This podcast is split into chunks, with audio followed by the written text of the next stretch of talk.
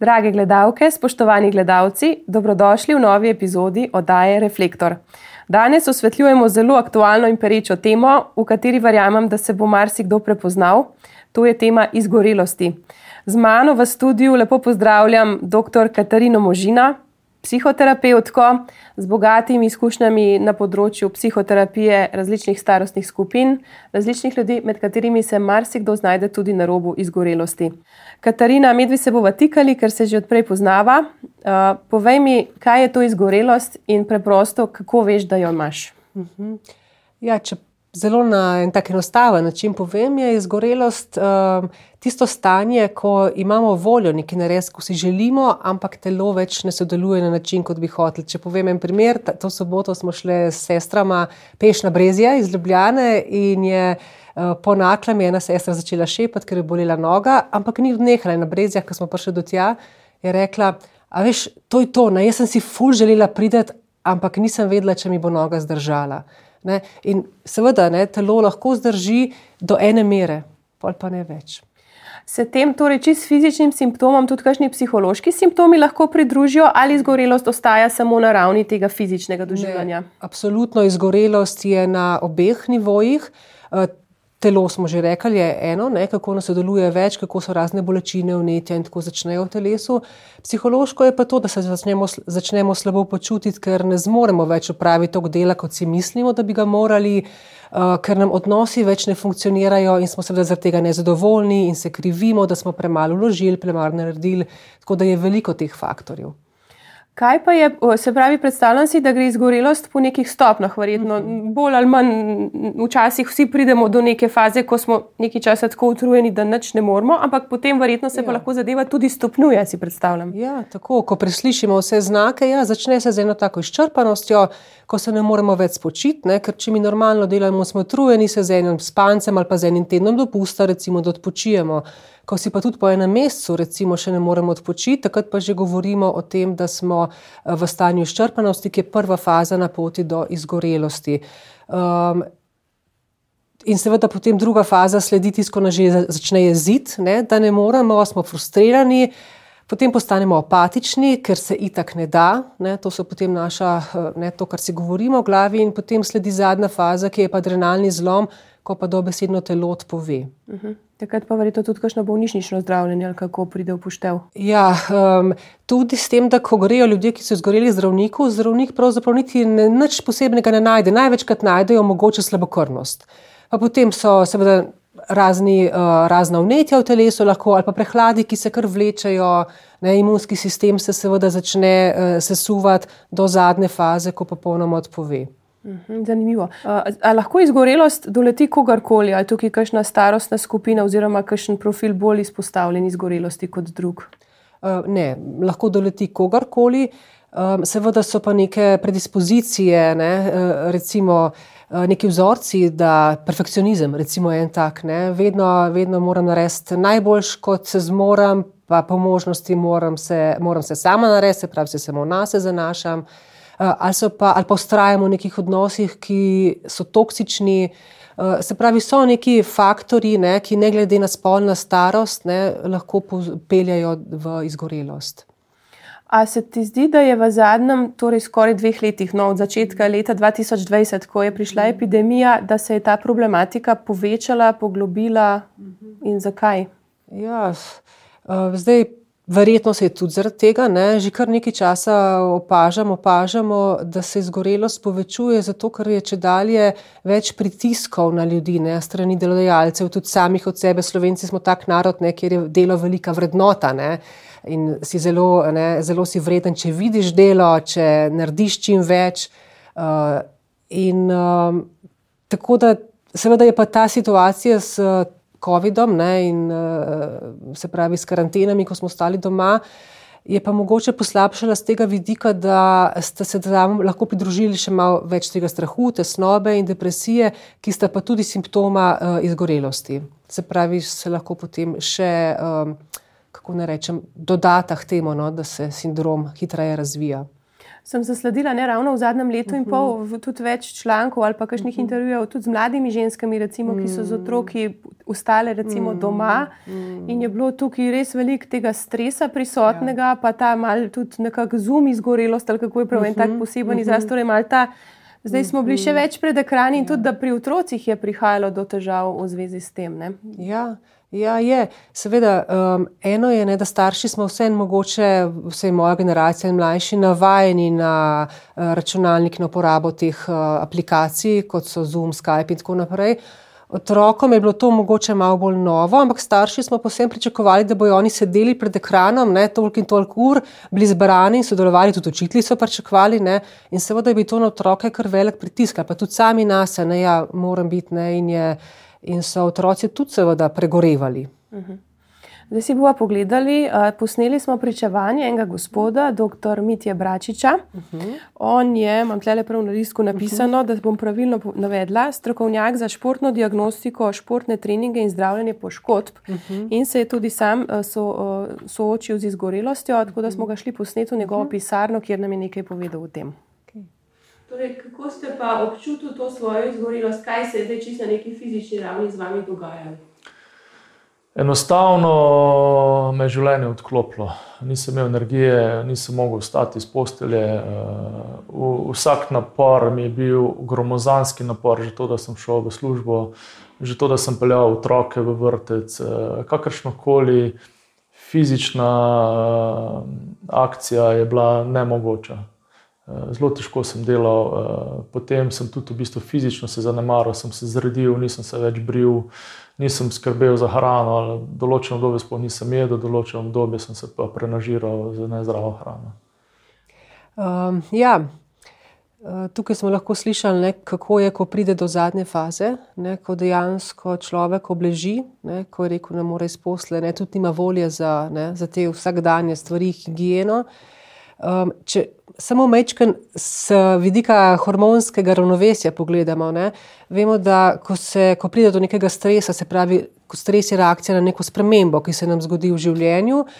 In takrat se najprej sprožita dva hormona, to sta adrenalin in noradrenalin, ki poskrbita, da lahko hipno odreagiramo in uredimo situacijo. In če se situacija uredi, potem uh, lahko naprej nadaljujemo življenjem, se, uh, no, ta dva hormona se pravzaprav zelo hitro umirita. Če pa eh, se situacija ne uredi in še traja, potem pa nadledvična žleza eh, začne izločati hormon kortizol, ki pa poskrbi za to, da smo dlje časa v akciji in pripravljeni in uh, pač reagiramo in iščemo rešitve. Zdaj, kortizol je tudi uh, na dnevni bazi, recimo to imenujemo cirkadijalne ritme, um, niha. Ne? Se pravi, zbudimo se z večjo količino kortizola in potem do večera počasi pojenja, da lahko zaspimo. Če ta količina ne pojenja, potem seveda ne moremo zaspati. In v tej zadnji fazi, kot smo slišali na posnetku, je pa to, da je nadledvična žleza že tako izčrpana, da tudi ne more več črpati zadostnih količin kortizola in takrat pač telo obnemore. Da bi se sploh ta cirkadijalni ritem verjetno obdržal, oziroma ja. da bi ja. nekako lahko uravnaval ta, ta naš dnevni ritem. Tako, ja. uh -huh. ja. uh, zdaj, Zanimivo je, da on je govoril o določenih stvarih, ki lahko spominjajo tudi na kakšne druge psihične ali pa mhm. psihiatrične motnje, mhm. se pravi motnje mhm. razpoloženja, anksioznost, depresijo. Ne? Recimo je omenil, imel sem obdobje, ko nisem mogel nič jesti, potem sem se pa prenažiral, se je izrazil. Ne? In zdaj vem, da so kakšne te simptomi, so recimo lahko tudi pri depresiji, tudi pri kakšnih drugih stanjih. A se zdaj izgorelost in ta stanja med seboj kaj prekrivajo, izključujejo, kako v bistvu veš, kaj imaš. Ja, eh, seveda, eh, torej depresija, anksioznost, tesnobnost ne, niso posledica tega, ampak so eden od simptomov izgorelosti, se pravi, lahko spremljajo eh, ne, ta sindrom izgorelosti. Zdaj, razlika je v tem, da pri depresiji recimo, gre za to, da smo tako bolj žalostni, otožni, nimamo volje za življenje. Nek pri izgorelosti mi imamo voljo, sam ne, ne moremo, ne, ne zmore telo. Um, pri tesnobnosti, tesnobnosti je pa to, pač, da imamo neke te. Uh, to je tako, recimo, kot strah, s tem, da pri strahu vemo, če se nas je strah, tesnobnost je pa en tak neopredeljen občutek nekega nemira. Ne, um, v, v sindromu izgorelosti se kaže recimo kot tresenje, kot nemir, razdražljivost. Um, uh, ja, tako nekako. Ne. Je fino ločevati to. Ne. da tudi vemo, potem, kako zdraviti. Ne. Seveda, če je depresija kot spremljevalec tega sindroma, potem je fino, tudi si pomaga zdravili, s kakšnimi antidepresivi, anksiolitiki, kot berglo, ne. zato da pač lažje potem začnemo spreminjati to, kar v resnici treba spreminjati. To pa je način življenja, ki nas je pripeljal v tak zlom. Mhm. K temu se bomo še vrnili, uh -huh. čez kakšno vprašanje ali dve. Kaj so tisti sprožilci, ki privedejo do izgorelosti? Uh mhm. -huh. Ja, eno so te zunanje okoliščine. Ne. Največkrat povezujemo zgorelost z delom, ne. pričakovanja uh, na delovnem mestu, uh, nerazumevajoč šef. Um, potem mogoče nejasne naloge, uh, kaotičnost na delovnem mestu, slabi odnosi. Uh, slabi odnosi so tudi sicer en zelo močen dejavnik izgorelosti, torej v službi, lahko tudi doma, um, ker se nimamo več na koga opreti. Občutek imamo, da smo ostali sami in da itak moramo sami vse uh, urediti. Uh, potem so lahko ti dejavniki tudi, uh, recimo pri ženskah, um, je zelo veliko različnih stvari, ki jih upravljamo. Ne? Mi smo 8 ur ali pa 9 ali pa 10 v službi, pol smo še vsaj tok mame. Pol imamo še kakšen študij ali pa izobraževanje zraven, pa pa moramo še umesti tisem kakšno kavico s prijateljico, pa iti v hribe ali pa na kakšno telovadbo. Partnerstvo, ne recimo. Jo, to sem že pozabila, ja, no, pa še partnerstvo. Ne. In dejansko, ne, če imamo še ta občutek, da vse to moramo narediti in po možnosti čim boljš, ne, čim boljše biti posod, ne, potem seveda lahko zelo hitro pride do, uh, do pregorelosti, izgorelosti. Ne, tukaj bi mogoče še omenila en zelo pomemben dejavnik in to so pa ta naša prepričanja, ti naši vzorci, um, kako mora biti vse narejeno, uh, v kolkem času, kdo mora to narediti, seveda same, ne, če se da, um, oziroma jaz znam najboljš, ne, se lahko tudi drugi, ampak pol, ne, malo tako zobe stisnem, pa nisem čisto zadovoljna. Uh, tako da ja, pač neki ti vzorci, kako mislimo, da moramo živeti in delati kimam, ker se malo prepoznavam. Verjamem, se marsikdo. Zakaj pa recimo nekdo pride do tega, da doživi izgorelost, nekdo pa ne? Oziroma, drugače ja. rekla, a je vsak do neke mere v nekem vsaj življenjskem obdobju lahko to doživlja, pa mm -hmm. mogoče ne pride do take hude faze, mm -hmm. da bi bilo potrebno ukrepati, mm -hmm. kaj ti kot terapeutka opažaš. Mm -hmm. um, ja, tukaj se pa kar razlikujemo. Uh, imamo en tak pojem psihoterapije, ki se imenuje prožnost, kot neka prilagodljivost na situacije, na spremembe. In nekateri ljudje, ki so recimo odraščali v malo bolj, bomo rekli, zdravih družinah, se pravi, kjer je bilo mogoče več te spodbude, več empatije, uh, več učenja za življenje, tudi zgledom staršev, te ljudje mogoče so eh, bolj prožni in se hitreje prilagajajo na situacije. Seveda tukaj je tudi pomembno, da je, kakšne so bile okoliščine, ne samo kakšen je vzgoj staršev in tudi uh, značaj, torej uh, osebnost, s kakršno tudi uh, ne, se rodimo. Uh, se pravi, vse to je nekaj, kar, kar po čemer se ljudje razlikujemo, koliko hitro bomo se izčrpali, uh, koliko hitro bomo poiskali pomoč. Um, ja. uh mhm.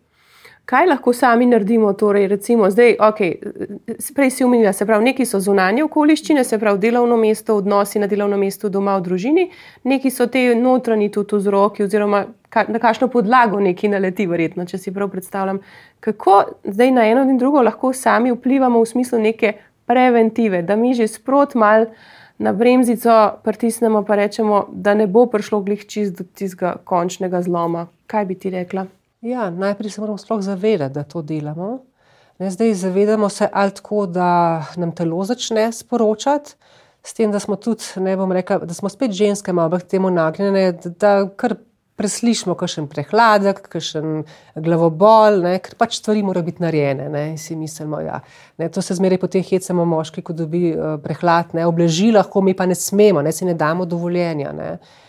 Um, se pravi, to, da začnejo poslušati telo, in ko se nekaj dogaja, dejansko odreagiramo, ne vprašamo, okay, kaj zdaj rabi telo, rabi počitek, rabi, da ne gremo v službo. Ne vem, ne, kaj je to, da ne, ne, ne pomijem zdaj lih celega stanovanja v tem tednu.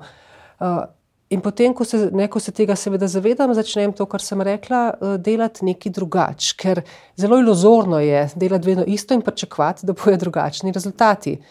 Um, se pravi, delati drugače in pa tudi začeti razmišljati drugače. Mogoče je to še najtežji del, se pravi, a res uh, moram vse sama, a lahko na koga drugega odložim kakšno delo, a lahko si vzamem malo več časa za svoj oddih, ne, za to, kar me napolnjuje. Um, a je to zdaj sprehod, a je to en prost dan, da grem vem, v toplice, ali je to delo na vrtu, ali je to branje knjige. Se pravi, nekaj, kar mene kot žensko mamo, ne, um, nekako, kar mi vrača energijo. Um, slišati je bolj preprosto, kot je v resnici, ne? ker seveda v tem moramo imeti zelo močno podporo drugih. Ne? Tudi to je dobra preventiva. Se pravi, dobri odnosi, podporni odnosi uh, s partnerjem, sodelavci, prijateljicami, prijatelji, uh, da lahko se takrat, ko je težko, prosimo koga za pomoč, in, ali pa samo že, da se pogovarjamo z nekom, tudi psihoterapija ali pa kakšne druge oblike. Tudi prej sem omenila, recimo, antidepresive, ne? včasih so tudi ta zdravila, uh, psihiatrična, neka zelo pomembna bergla, seveda pa to je vedno dovolj, samo kadar dejansko začnemo tudi spreminjati to, kar nas je pripeljalo v situacijo. Uh, me zanima, ali uh, ženske prej poiščejo pomoč kot moški, kakšne so mm. tvoje izkušnje, ker predstavljam si pa, da izgorelost mm-hmm. vendarle ne izbira tudi po spolu. Se pravi, so tudi moški k temu nagnjeni, vendar mogoče, ker nava niso navajeni toliko govoriti ali pa toliko, bi rekla, racionalizirati teh uh, svojih čustev, da so tudi lahko v nek začaran krok ujeti. Oh, seveda še mogoče, ja, ženske, mogoče ravno zato, ker prej poiščemo. To pomoč ne manj sramuje v zvezi s tem, da ne morem, pa da grem poiskati strokovno pomoč. Uh, pač je tudi danes še več žensk klient, ampak se pa delež moških kar občutno veča. Um, moški pa ponavadi pridejo že v tisti bolj zadnji fazi, ko že odnos razpade, ko uh, je na tem, da izgubi službo, um, ko je kakšna resna bolezen ne, posredi. Um, ženske pa se pravi, pridejo malo prej, ampak ne prepoznajo tako tega kot izgorelost, kot, uh, ampak samo rečejo, da so utrujene, da jih noben ne razume. Eh, da nimajo podpore partnerja. In, uh -huh. in to je bila pol ta vaša pot ven iz izgorelosti. Ta pot je v bistvu vsakodnevno delo. Od tega, ko se vi zbudite, pa do konca dneva imate svoje protokole, ki se jih morate držati, ker osebnost nazor se spremeniti, to je najtežje v življenju. Spremeniti način prehrane, to mi je bilo najlažje, to sem hitro uredil. Spremeniti razmišljanje, začeti uh, dvigovati uh, zavest, uh, prepoznavati situacije, kje v bistvu eksplodiram, kje imam šibke točke, uh, katere besede so tako pri meni energijsko močne, da me spravijo iz tira. In v bistvu sem začel čisti z nule in postavil osebnost uh, kot nepopisan list, spet na nek zelo visok nivo zavesti, ki ga imam danes. Ko pride do izgorelosti, kaj so tisti naši koraki, ki jih je dobro narediti, zato da nekako splezamo ven iz tega začaranega kroga? Ja, ravno kar smo slišali v posnetku, nekaj od teh stvari. Se pravi, kot smo že rekli, je treba urediti oziroma na novo postaviti uh, način, kako funkcioniramo v življenju. To pomeni pogledati, kaj mi je pripeljalo to, kakšni so bili moji odnosi, kakšen je bil odnos do dela, uh, kako je z, mojim, z mojimi temi uh, navadami, kot so spanje, prehranjevanje, gibanje. Uh, gospod je rekel, da kako je bilo najlažje spremeniti prehranjevanje. Nekaterim ljudem to ni lahko, ker pač jim delovnik tudi ne dopušča nekih rednih obrokov, priprave obrokov. Ampak ne se to najbrž vemo za mnoga druga bolezenska stanja, tudi ne, kako lahko s prehrano marsikaj uredimo, Uh, potem druga stvar je gibanje, da imam dovolj, dovolj, da ima telo dovolj gibanja, dovolj svežega zraka. Da grem, ne vem, peš ali pa s kolesom v službo, nam je z avtom, z avtobusom, če je lep dan, če je to mogoče, ali pa da grem na en kratek sprehod, uh, da večkrat med službo mogoče odprem okno ali pa stopim pred, uh, pred stavbo. Uh, in pa seveda spanje. Ne? Spanje pa vemo ne, prvič, kako je seveda za mamice, sploh z mladimi otroki, pa tudi za očke. Eh, to nekaj včasih nemogočega. Ampak tako, kolikor se da, glede na življenjske okoliščine, pa se telo tudi ve, ne, kdaj se da, pa kdaj se ne da. Ne. Mi ga zelo dobro znamo prevarati. Ne. In nažalost gre veliko stvari, ki jih počnemo, se pravi, ne vem, če nekaj zvečer uredimo za službo, za otroke, ne, za moža, um, tudi zase, včasih celo na račun spanja. Eh, kot da je spanje nekaj, kar bomo počeli, ko bomo stari. Ne. Moja mama je včasih rekla: Veš, kaj, če nimaš časa, pa malo hitreje spi. Nažalost, tako ne gre. Ne. Okay, se pravi, to so neke tiste, tiste okoliščine, na katere lahko vplivamo. vplivamo z lastno odločitvijo. Ja. Greš eno ja. uro prej spat in tako naprej. Ja. Torej, če te prav razumem, tudi brez slabe vesti, čez vikend, kakšno urco odspat po kosilu, če se le da. Ne samo slabe vesti, to je celo nujno, kadar smo tako utrujeni. Potem pa seveda tudi urediti odnose, kjer niso urejeni, ne, da, eh, ker odnosi zelo izčrpavajo lahko. Uh, in pa ne, to, kar smo rekli prej, služba, ne, se pravi, če je služba, kaj lahko spremenim, vedno to gledamo, no, kaj je v moji moči.